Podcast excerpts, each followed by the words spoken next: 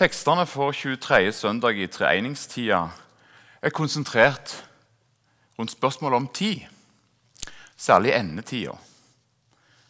Det taler om snart, om når Herren kommer. Det taler om dagen og timen. Hvis vi skal plassere denne søndagen i kirkeåret, så kan vi kikke tilbake på forrige søndag. Da handla evangeliet om svaret fra Jesus på spørsmålet fra fariseeren som ville rettferdiggjøre seg sjøl, som det heter hos Lukas. Nemlig spørsmålet 'Hvem er min neste?' Jesus svarer da med likninger om den barmhjertige samaritanen. Neste søndag er siste søndag i kirkeåret. Selveste domssøndagen, eller Kristi kongedag, som noen foretrekker å kalle den. Så det strammer seg til nå utover mot domssøndagen. Og som dere alle vet, så er jo søndagen etter det første søndag i advent. Altså tiden for Herrens komme. Det heter seg jo at det er ei tid for alt. Og På sett og vis kan en si at hele evangeliet handler om dette. At ventetida er over, at det er frelsetid. At tida er inne. Alle de ulykkelige som evangeliet holder fram som tar i miss, de tar på sett og vis feil av tida. De forstår ikke at tida er inne, som det heter hos Paulus. Eller at tida er oppfylt. At dagen er kommet. At nå er den hellige time. At Guds nærvær er kommet fram og steget fram i Kristi person. Fariseerne, for eksempel, de forstår ikke at det gamle nå må vike, for nå bryter det nye fram i Kristus. Nå viser Guds nærvær seg i Kristi annerledes. De falske profetene i Det gamle testamentet tok også feil av tida. De lova fred og ingen fare når dommen trua rett rundt hjørnet. Men i den delen av Jesaja-boka som er den eh, gammeltestamentlige teksten for kommende søndag, så har dommen allerede skjedd. Sion, Jerusalem, ligger i ruiner. På dette punktet så snur tida. Nå er det tid for trøst. Profeten maler gleden fram som skal oppstå ut av sorgen av lyset som skal trenge seg fram ut om mørket. Et interessant moment er kontrasten mellom Herren og undertrykkeren, som det heter i teksten, som jeg nå skal lese. Fra Jesaja kapittel 51. De som Herren har fria ut, skal vende attende. De kommer til Sion med jubel, med evig glede om panna. Fryd og glede møter de Sorg og sukk må flykte. Jeg, jeg er den som trøster dykk. Hvem er du som frykter mennesket som må dø, menneskeborn som visner som gras? Du har glemt Herren som skapte deg, Han som spente ut himmelen og grunnla jorda. Alltid, hele dagen, frykter du vreien til undertrykkeren når han prøver å øyelegge deg? Hvar er vreien til undertrykkeren? Snart skal den som er i lenkja, bli løst. Han skal ikke dø og gå i grav, og ikke skal han mangle brød. Jeg er Herren din Gud, som rører opp havet så bølgene bruser. Herren over herskarene er hans navn. Jeg har lagt mine ord i din munn og løynt deg i skuggen av mi hand. Jeg har spent ut himmelen og grunnlagt jorda og sagt til Sion, du er mitt folk. I denne teksten så stiger det fram et bilde av Herren Gud som har herrevelde over både skaping og historie. Den makta som han har, vil han nytte til å fri ut Jerusalem eller Sion som er i lenker. Når Sion får høre at hun har glemt Herren, så er det på en annen måte enn hos domsprofetene. Gløymsla fører ikke til at folket gjør vonde gjerninger, men til at de setter seg til å frykte undertrykkeren. Og siden det er tid for trøyst, fører profeten fram en gud som er mektigere enn han, ja, mektigere enn alle militærmakter. Han har navnet, heter det til og med. Herren over hærskarene.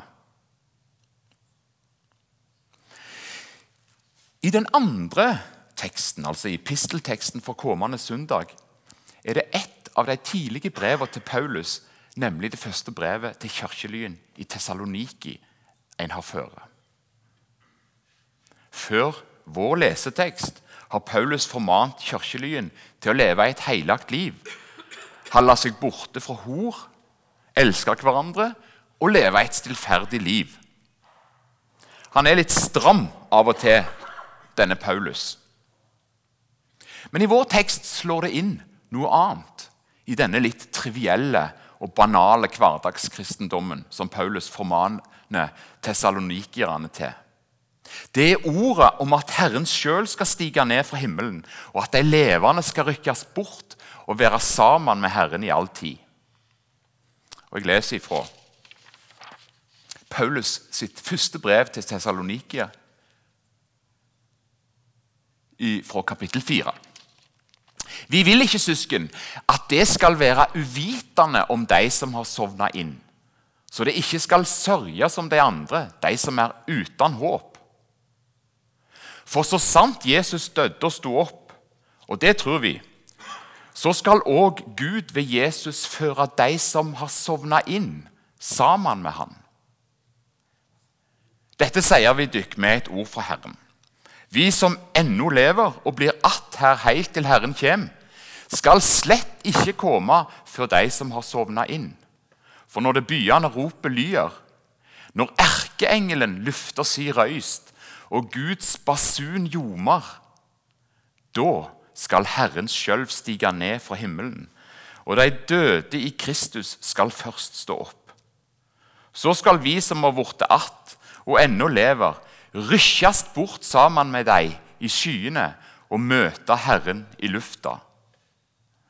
Og så skal vi alltid være sammen med Herren. Trøyst hverandre og sett mot i hverandre med disse ordene.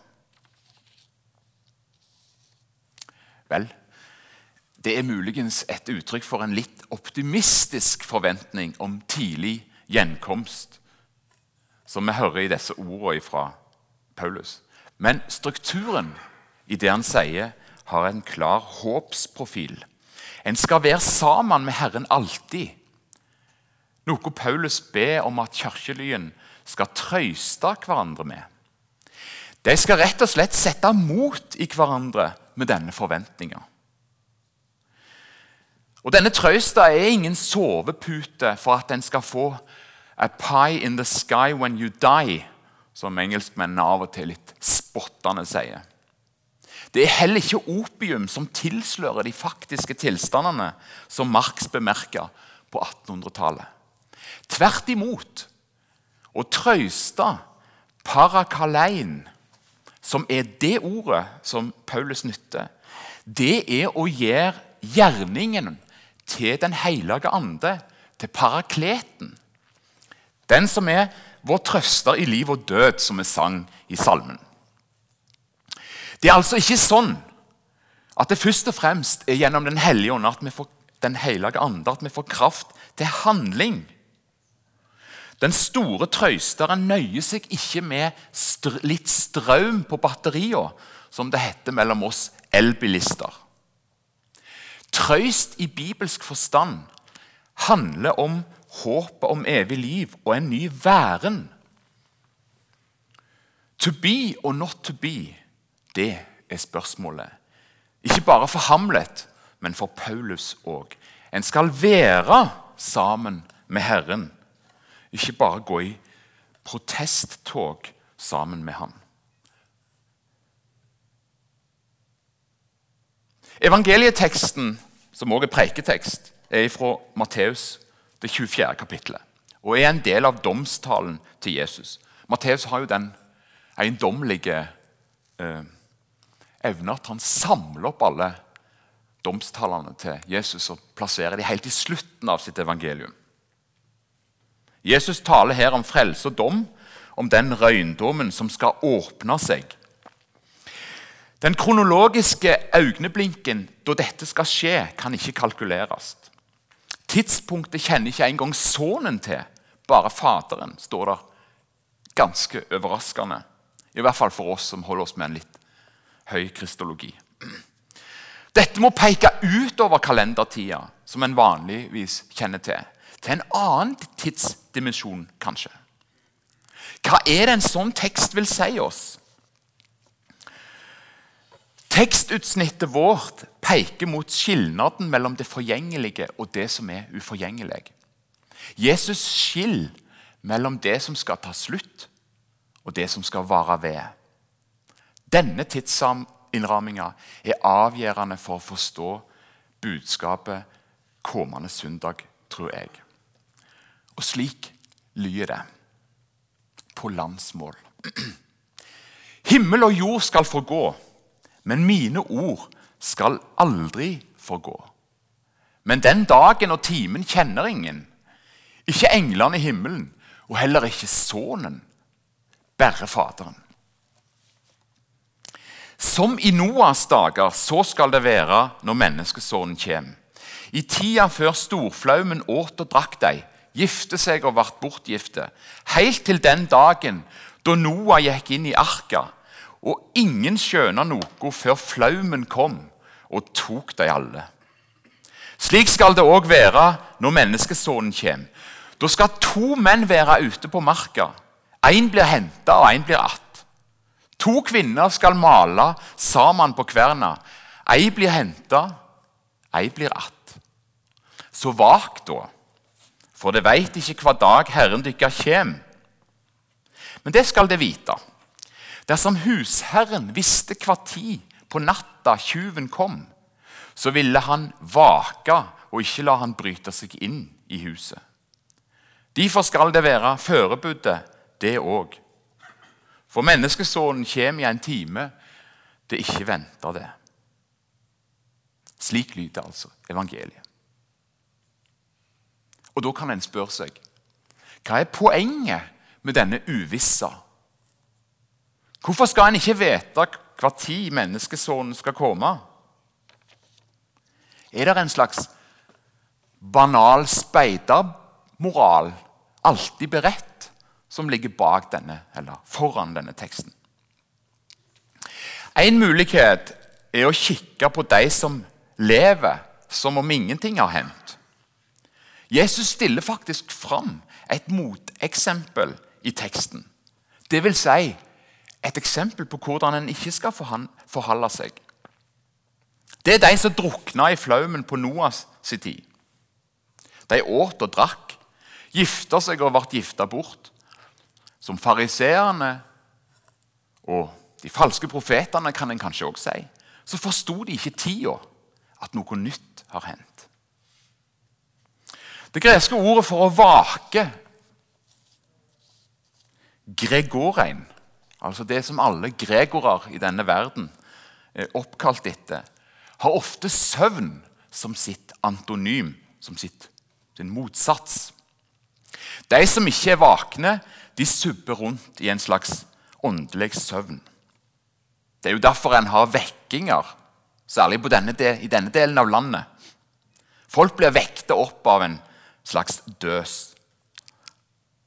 Min gamle farfar for eksempel, han ble vekt opp i et høgst ukirkelig og svermerisk vekkingsåtak. Og Det er vel kanskje grunnen til at jeg står her og ikke virrer rundt i en pengesterk oljerus, sånn som skikkelige folk gjør i denne byen. Det var en ironisk bemerkning, så der, kan dere le litt. Men ordet 'å vake', altså gregorein, har en videre tyingshorisont. Og det var den jeg tenkte å trekke opp her i dag. Nettopp i brevet til kirkelyen i Tessaloniki kontrasterer Paulus det å være vaken med det å sove i tyinga, det å være klin død. Hvis en legger en sånn horisont til grunn, så får talen til Jesus et annet, eller et litt annet siktemål. Poenget med å avvise spekulasjon over tidspunktet for når menneskesonen kommer, er rett og slett at nå er det tid for å leve. Slik døypte mennesker er reist opp fra døden og inn til livet. Sånn kan en òg tenke om det å være vaken. At en er rykt ut ord døden, ord søvnen, og inn i livet. Og Derfor så vil mitt råd til dere som skal preke på søndag, være Det er tid for å glemme spekulasjoner. Det er tid for å trøste folk med et evangelium som setter mot i de truende. Både til å leve på og til å dø på. Det er tid for å si at livet til den kristne er tufta på Kristi ord, på orda som aldri forgår. Det tenker jeg er et evangelium.